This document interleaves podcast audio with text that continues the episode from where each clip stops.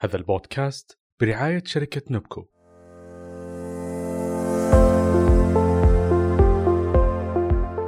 السلام عليكم ورحمة الله وبركاته.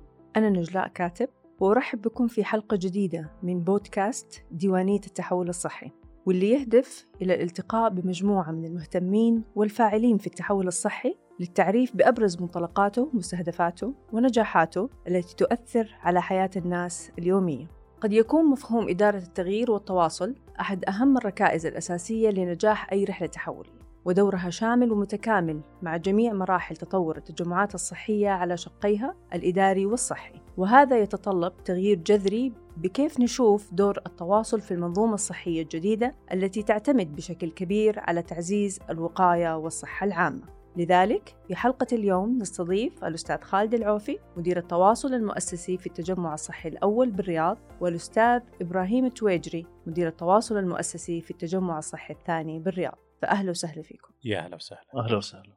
في البداية التحول الصحي ما يقتصر على التحول في طريقة تقديم الخدمات وتجربة المريض ولكن يتعدى إلى الوظائف المساندة والداعمة. أستاذ إبراهيم كيف ترى دور التواصل والإعلام في المنظومة الصحية الجديدة التي تقودها التجمعات الصحية؟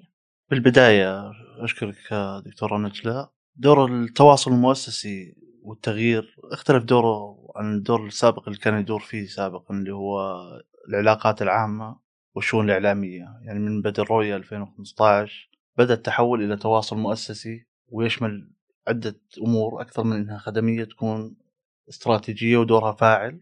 فأنا نقدر نلخصها نقول هي القوة الناعمة بالنسبة للمنشآت القلب النابض للمنشآت والعصب اللي يدور ما بين إنجاح وإسهام في عمليات التغيير ومجموعات متنوعة من تقنيات الاتصال تقدم ما بين الجمهور الخارجي والجمهور الداخلي. يعطيك العافية.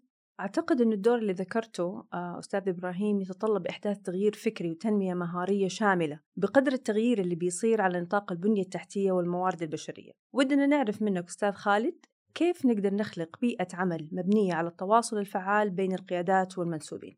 في البداية يعطيكم العافية وشكرا دكتورة على هذا اللقاء.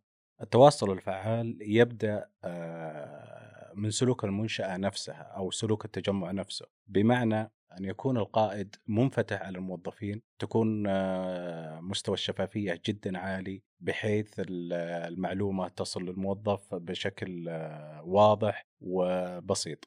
أيضا وجود آه، التحول الصحي أو معلومات التحول الصحي التي تنشر عن طريق التجمعات للمنشآت ساهم آه، بنفس جديد وروح جديدة للموظفين، بمعنى أصبح الموظف ينتظر ما هي الخطوة القادمة لهذا التجمع أو التجمع اللي أنا تابع له.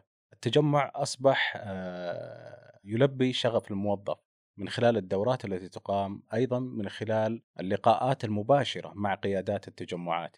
إحنا في التجمع الأول عندنا لقاءات دورية تجمع قيادات التجمع آه، والرئيس التنفيذي بالموظفين آه، سواء داخل الرياض أو خارج الرياض. آه، هذه اللقاءات ساهمت بنقل كل ما يبحث عنه الموظف من أسئلة أو حتى غموض في مفهوم التحول أصبح وجود قائد التجمع وقا- وقيادات ال- التجمع وجها لوجه ساهم بردم أي فجوة تحدث آه، خلال مسيرة التحول. عندنا الآن آه، مفهوم التواصل آه، المؤسسي أصبحنا نشكل حلقة مهمة بين المنشآت وأيضا شركة الصحة القابضة. أصبح دورنا عمل تكاملي. نتيجة هذا العمل التكاملي ما بين التجمعات والصحة القابضة أصبح مصدر المعلومة واضح وسهل الوصول للموظفين. آه، الموظف الطموح خلال الفترة القادمة آه، راح يصل لكل شيء يبحث عنه من خلال الدورات أو من خلال حتى آه، موضوع الترقيات سهل التقييم وهذا الشيء ينعكس على جهد الموظف في المنشأة فبإذن الله الفترة القادمة راح تشهد آه، حراك آه، بين الموظفين لرفع اسم التجمع وهذا يساهم في عملية تعزيز آه، التحول ما بين التجمعات والمنشآت ومنسوبيها. يعطيك العافية. آه يعني كأنك بتقول إنه دور التواصل المؤسسي أصبح الآن شيق للموظف إنه هو يتبع الخطوة يعني هو ينتظر الخطوة القادمة في رحلة التحول. فأصبح واضح بالنسبة للموظف إنه إيش الخطوات القادمة وفي كل مرحلة أنتم بتوضحوا لهم أكثر. بالضبط.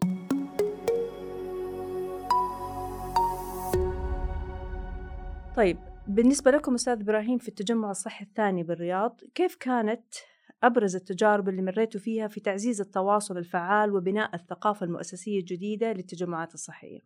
تجربة آه، تجمع الرياض الصحي الثاني في موضوع التواصل الفعال بدأ من التواصل الداخلي داخل المنشآت. ربط المنشآت ومكونات التجمع مع الهيدي كوارتر بشكل متكامل. طبعا إحنا نتكلم أول شيء عن موضوع تعزيز الشفافية بين الموظف وبين القائد. الحمد لله يعني من أهم الأساسيات اللي إحنا اشتغلنا عليها. إنه عندنا قادة مستمعين بارعين قادرين على التلقي والإرسال والرد على الأجوبة. فكان هذا فتحت لنا آفاق جديدة إنه باجتماعات مفتوحة أكثر مع الموظفين. القنوات التواصلية وطريقة التواصل ما تمت من آه، الأعلى إلى الأسفل بل بدت من الأسفل إلى الأعلى. يعني بدينا بمشروع إدارة التغيير وتحفيز الموظفين وتغيير ال culture أو الثقافة تعزيز الثقافة المؤسسية بالتجمع. نبدأ من الأسفل للاعلى فكان شعارنا اللي هو front liner lead the change هم اللي يقودون التغيير في المرحله القادمة. ولو نشوف أي منشأة أو أي منظمة يعكس العلامة التجارية ويعكس صورة المنظمة وطريقة تقديم الخدمة لها من الصفوف الأمامية للمنشآت هذه. فكان بناء مهارات تواصل للصفوف الأمامية بناء ثقة تحفيزهم بشكل أكبر قربهم من رأس الهرم. وليس من المدير المباشر لين يوصل رأس الهرم لا كان في جلسات حوارية كثيرة مع رأس رأس الهرم واستماع لجميع المصاعب اللي تواجههم وحل المصاعب هذه وتمكينهم يعني خلينا نقول empower لل front line تقديم الخدمات بشكل أفضل.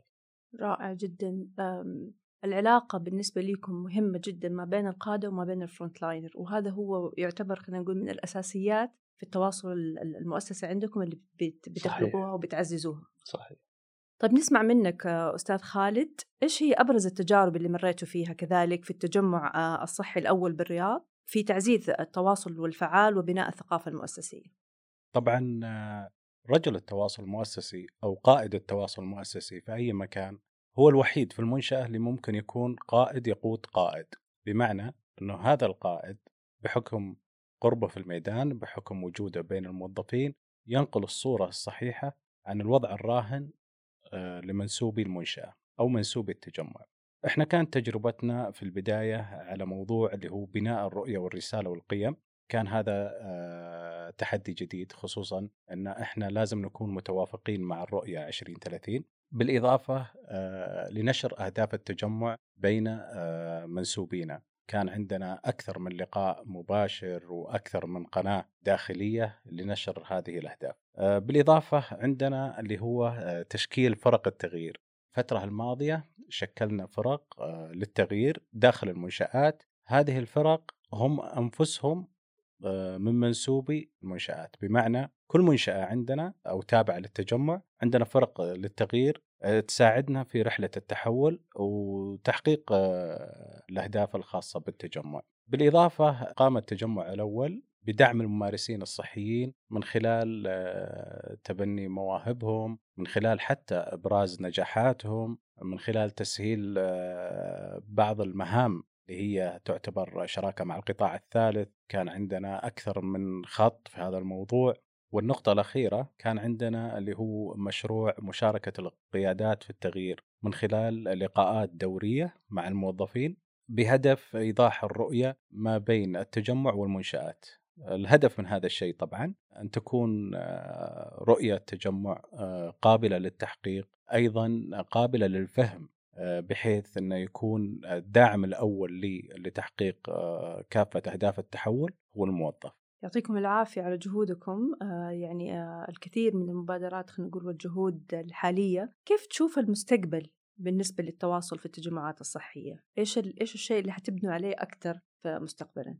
إحنا بإذن الله آه، هدفنا في إدارة التواصل المؤسسي في تجمع الرياض الصحي الأول أن تكون كل منشآتنا في التجمع قالب واحد بحيث آه، يسهل استخدام الأدوات والموارد عبر منظومة واحدة. تعمل نحو تحقيق آه، الأهداف وهذا الشيء يأتي ببناء هوية مؤسسية وسمعة إيجابية تساهم آه، في تحقيق مستهدفات آه، تجمع الرياض الصحي الأول. البلان القادم إن كل منشآتنا سواء في الرياض أو خارج الرياض تكون بشكل موحد داخليا آه، تكون آه، بشكل موحد خارجيا رفع مستوى الولاء للموظفين من خلال مجموعة من المبادرات من الأدوار المهمة اللي نركز عليها الفترة الجاية أن يكون الموظف آه، شريك في صناعة القرار.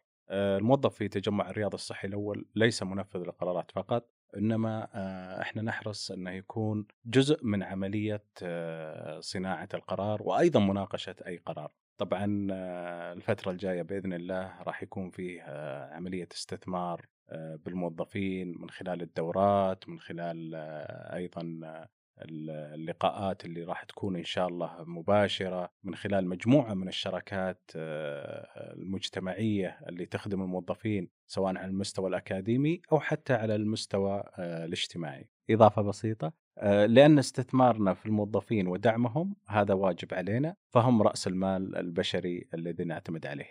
ممتاز.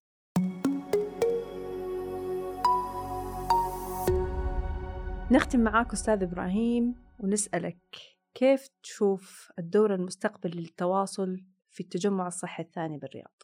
طبعا دور التواصل المؤسسي والتغيير التجمع الصحي الثاني بالرياض آه، وضع له أهداف خلال الفترة القادمة اللي هو تعزيز العلامة التجارية للتجمع الصحي الثاني بشكل أكبر بالمنطقة الجغرافية اللي يغطيها التجمع الصحي الثاني ونكون أداة الوصل ما بين الجمهور الخارجي والداخلي وخلق مجتمع واعي بدء من التوعية المجتمع والمسؤولية المجتمعية تجاه المجتمع بشكل أكبر بالإضافة إلى تعزيز وجود الموظفين ودورهم كسفراء للتجمع.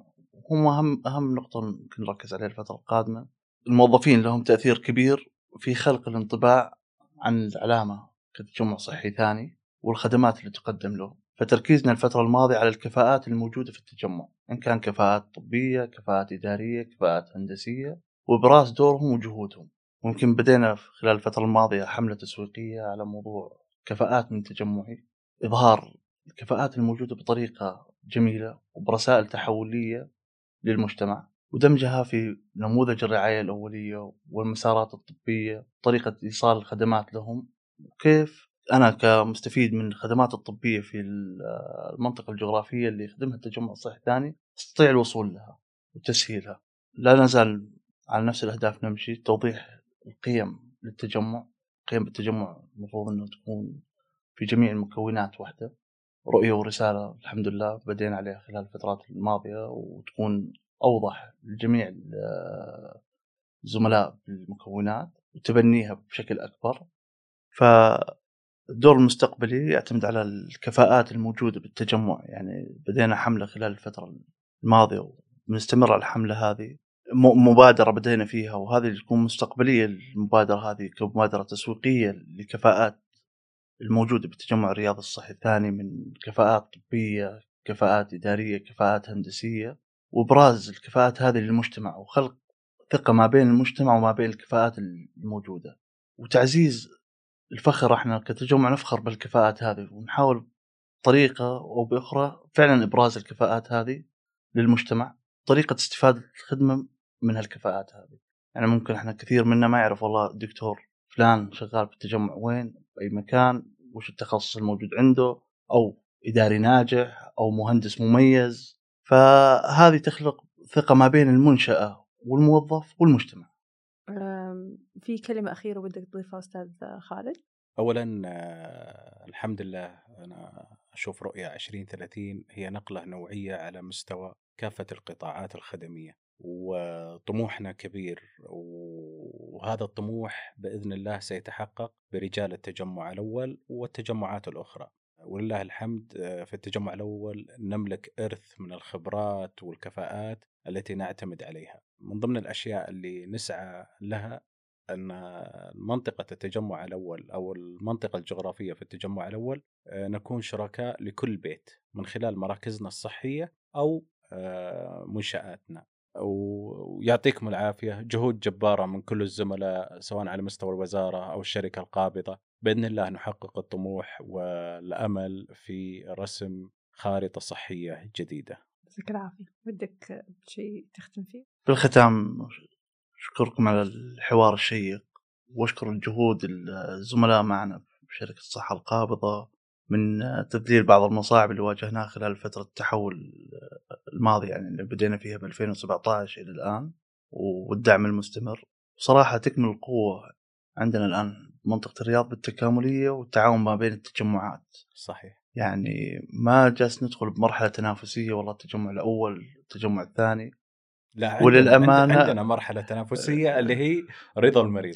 رضا رضا المريض أكيد كنا نبحث عن رضا المريض بالمنطقة ال catchment area الموجود فيها وتقديم الخدمة يعني. حتى لو ما توفرت الخدمة بالتجمع الأول توفر بالثاني ما توفرت بالثاني توفر بالأول. بالاول والاخير إحنا نوصل لمرحلة إنه كيف نخدم المريض ويكون راضي عن الخدمة هذه ومستوفي لها. وجودنا آه، كتجمعات الأول أو الثاني هو لخدمة المواطن والمقيم والحمد لله آه، نملك من الكفاءات في التجمع الثاني والأول وحتى الثالث آه، التي تستطيع أن تنطلق وتحلق برؤية 2030 نشكر ضيوفنا على قبول الاستضافة والشكر لمستمعي بودكاست ديوانية التحول الصحي اللي نرجو أن حلقة اليوم لاقت استحسانهم وإعجابهم. نأمل منكم مشاركة الحلقة والاشتراك في القناة ليصلكم كل جديد.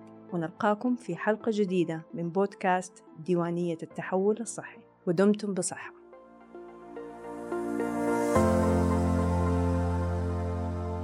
نشكر شركة نبكو لرعاية هذا البودكاست.